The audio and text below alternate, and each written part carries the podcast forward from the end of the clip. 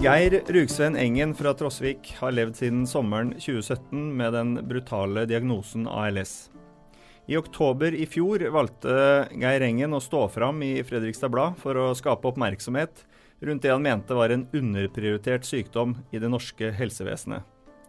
Det skulle bli starten på nesten 30 artikler og lesebrev med sterke følelser, bitre oppgjør med helsebyråkrati i Fredrikstad og lokalpolitisk engasjement. Geir Engen sa i det første intervjuet at han satte seg delmål. Det første var å leve til 50-årsdagen i februar i år. Det andre var å oppleve den påfølgende sommeren. Geir fikk feiret jubileet, men sommeren må kona og de to døtrene gå i møte uten ham. Dette er Hør her. Mitt navn er René Svendsen.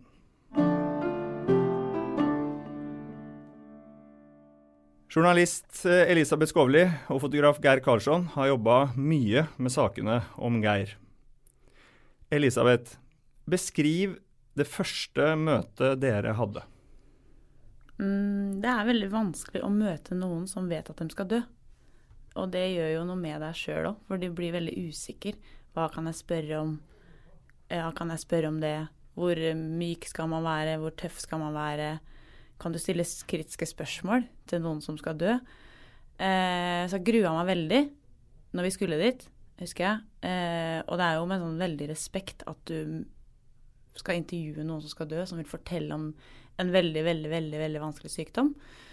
Eh, og det å forberede seg til det er Ja, du kan prøve, men du vet jo ikke hva som møter deg. For vis, vi visste jo ikke hvordan han var, da. Du snakka med ham på telefon, men det er jo noe annet å komme hjem til han. Så husker jeg Geir og jeg kjørte opp dit eh, i bilen. Og så snakka vi liksom litt om det, at vi var veldig spente eh, og nervøse. Og så kom vi dit, ringte på. Gikk inn, Han kom og satt i rullestol, rulla rundt, liksom. Og han lagde kaffe på kjøkkenet, og dattera var vel der. Og vi snakka liksom litt med henne, og så ja, småprate litt. Det er jeg ganske god på, så det kan vi gjøre ganske lenge. Og så satt vi oss i sofaen, så begynner han å fortelle. Og da Det glemmer jeg aldri. Det var veldig sterkt, det han fortalte. Han var veldig flink til å fortelle, hvis det går an å si det sånn. Veldig sånn ja, tydelig god på å fortelle hvordan han hadde det, og liksom brutalt ærlig på det her er ikke Han hadde Ja, det var vanskelig, da, og det fortalte han om. Geir, eh, du som fotograf, eh, så blir man ofte liksom sittende litt sånn i kulissene og observere journalisten som er på jobb og prater og tenker litt hvordan skal vi bildelegge dette her. Hvordan eh, opplevde du det første møtet? Nei, Som Elisabeth fortalte, så, så, så, var vi spente begge to. og Du, du, du, har, du er alltid litt ekstra skjerpa og bevisst når du skal møte et menneske som vil stå fram i, i, i, med historien sin, og som skal dø. Uh, og som meg som fotograf, så altså for, for, at jeg skal gjøre en best mulig jobb, så er jeg helt nødt til å, å få å, til, å, få, få, tillit. Han må få tillit til meg, så kamera og sånn er ikke med. Uh, jeg er like mye med på intervjuet som uh, Elisabeth var, og vi, vi sitter spørsmål begge to.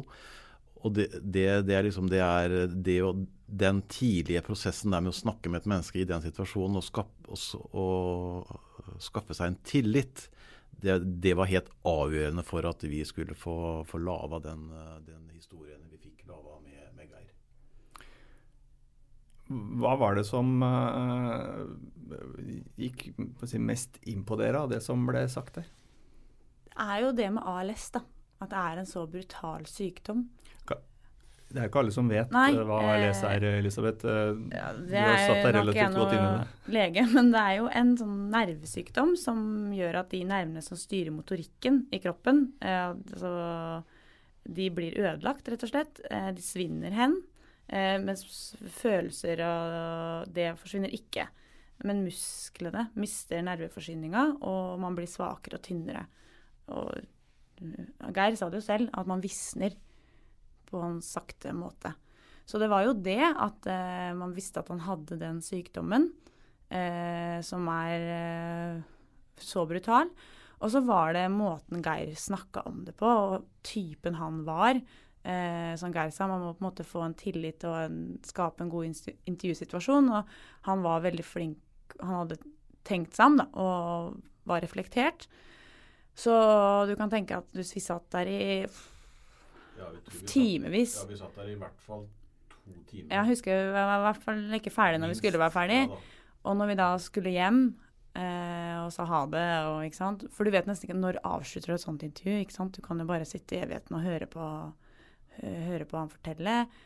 Og da vi da satt oss i bilen igjen, ikke sant? satt og sagt ha det og var det ikke da blåste så fælt når vi var der?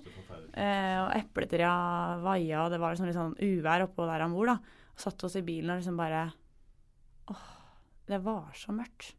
Det var så trist. Og jeg var helt sånn utkjørt, på, akkurat som jeg hadde løpt ti maraton. Og altså, vi hadde jo ikke, verken, var ikke sjuke eller noe som helst, på en måte.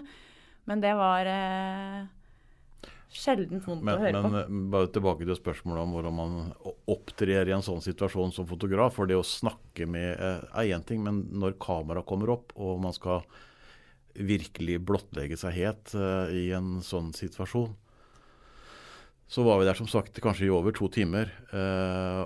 Og jeg tror at nesten hele den tida vi var der, brukte jeg på å prate med Geir.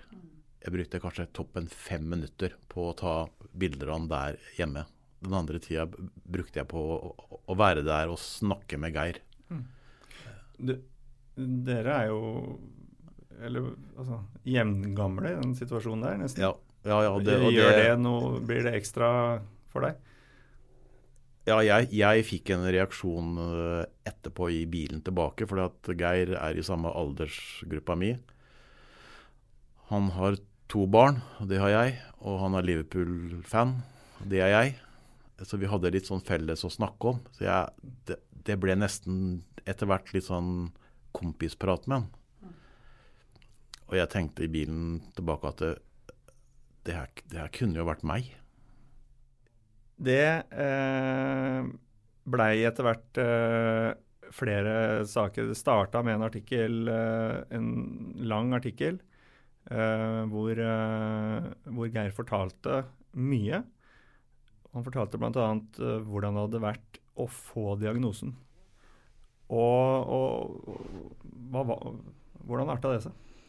Nei, han fortalte jo, det var når vi var der første gang, at han hadde vært på sykehuset. Og hvordan får du den beskjeden? Altså, hvordan sier du det til noen? Hvordan mottar du det? Det er jo altså, helt umulig.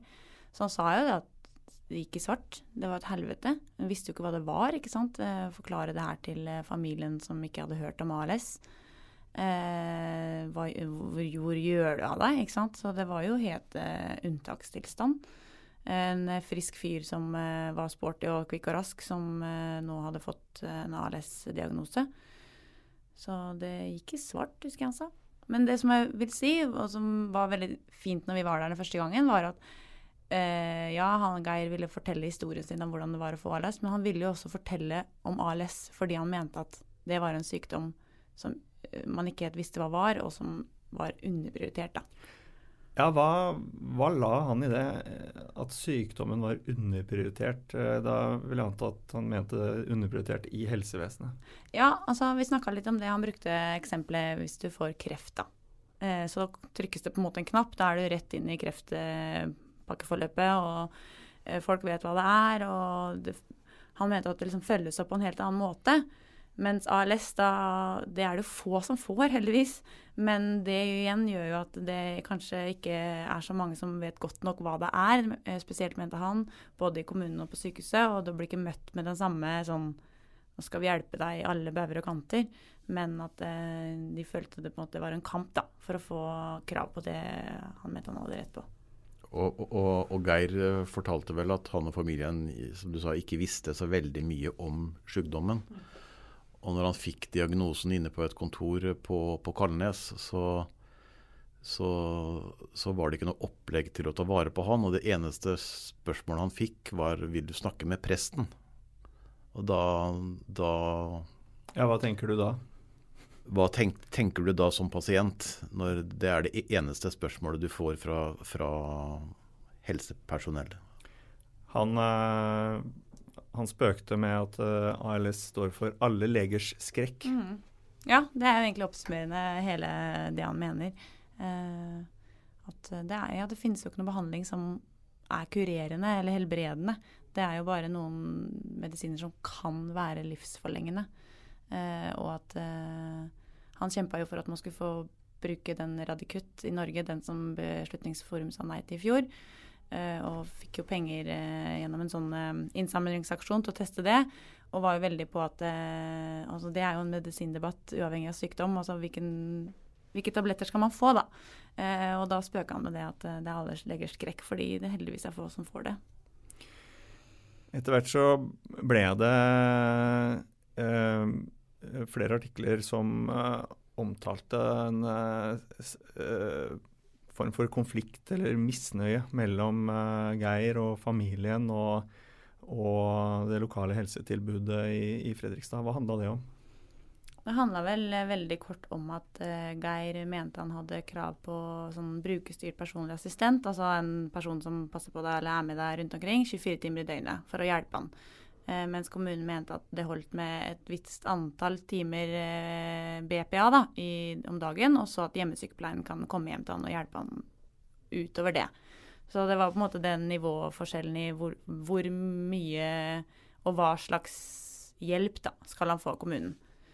Eh, så det var det det handla om. Og i den saken så involverte selvfølgelig familien hans seg sterkt. Eh, kona var uh, selvfølgelig veldig uh, aktiv i, i, å argumentere for uh, at Geir skulle få det han mente han trengte for å føle seg trygg. Det var mye det det handla om. Dat denne dattera hans skrev et veldig sterkt lesebrev som tok et oppgjør med helsebyråkratiet. Han hadde en familie som i hvert fall for oss gjorde det lettere å skrive om det, hvis det er lov å si det på den måten. Eh, fordi de hadde de ønska jo de, Eller de forsto Geir sitt ønske om at det skulle fortelles, da, den historien. Og de støtta ham på det, selv om det er blytungt for en familie å stå i det. I tillegg til at han er sjuk, så kommer alt det rundt, da, ikke sant. Men de var veldig forståelsesfulle og skjønte ja, Geir og min sin rolle. Og skjønte også at eh, Hva skal jeg si At vi måtte få fram kommunens side i det. Eh, selv om de var sterkt uenig i det kommunen både mente og hadde beslutta. Så forsto de ja, at vi måtte høre på begges svar, da. For en lokalavis så, så er dette krevende område om, å, å, skrive om. Um, Fredrikstad hadde en, eh, en, lederartikkel hvor vi gjorde noe så vanlig som å si at uh, la regler være regler. Uh, la hjertet styre det tilbudet Geir skal ha. Um, hvordan opplevde familien det å, å, få den medieoppmerksomheten som, som dette ga dem? De sa det var veldig tøft, og det var jo ofte vanskelig å henvende seg til dem, fordi man jo er såpass oppegående at du skjønner at det, det ikke er kult og at vi tar kontakt hele tiden. Uh, eller hele tiden, altså ofte, da. Men samtidig så Ja, som sagt var de De skjønte at det måtte blitt storm eller mye oppmerksomhet rundt det når han uh, var så klar på at han ville uh, fortelle om den urettferdigheten han opplevde. Uh, og han fikk jo mye støtte masse støtte. ikke sant? Altså, det er jo noe med det verden vi lever i med sosiale medier. Jeg tror de det sa de jo nå, etter at han døde, at den støtten de har fått, har vært enorm. Selvfølgelig. Både her og der. Og dette ble også en politisk eh, sak. Og vi, eh, eller dere, var med da, eh, da Geir Engen eh, møtte eh, politikere. Hvordan var det?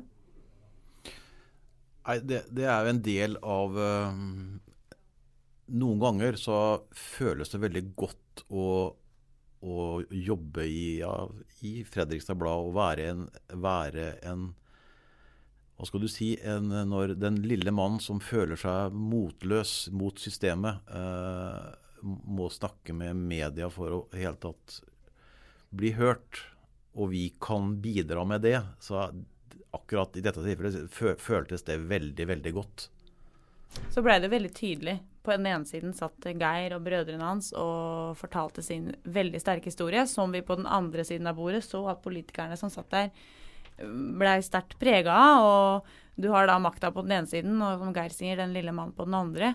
Eh, og da skjønner du at måte, det er viktig, det man gjør, da.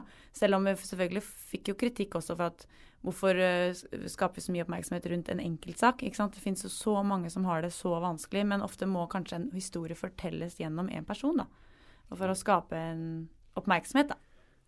Nå uh, er uh, Geir Rugsen Engen død, og du har skrevet en foreløpig siste saken, nemlig akkurat det.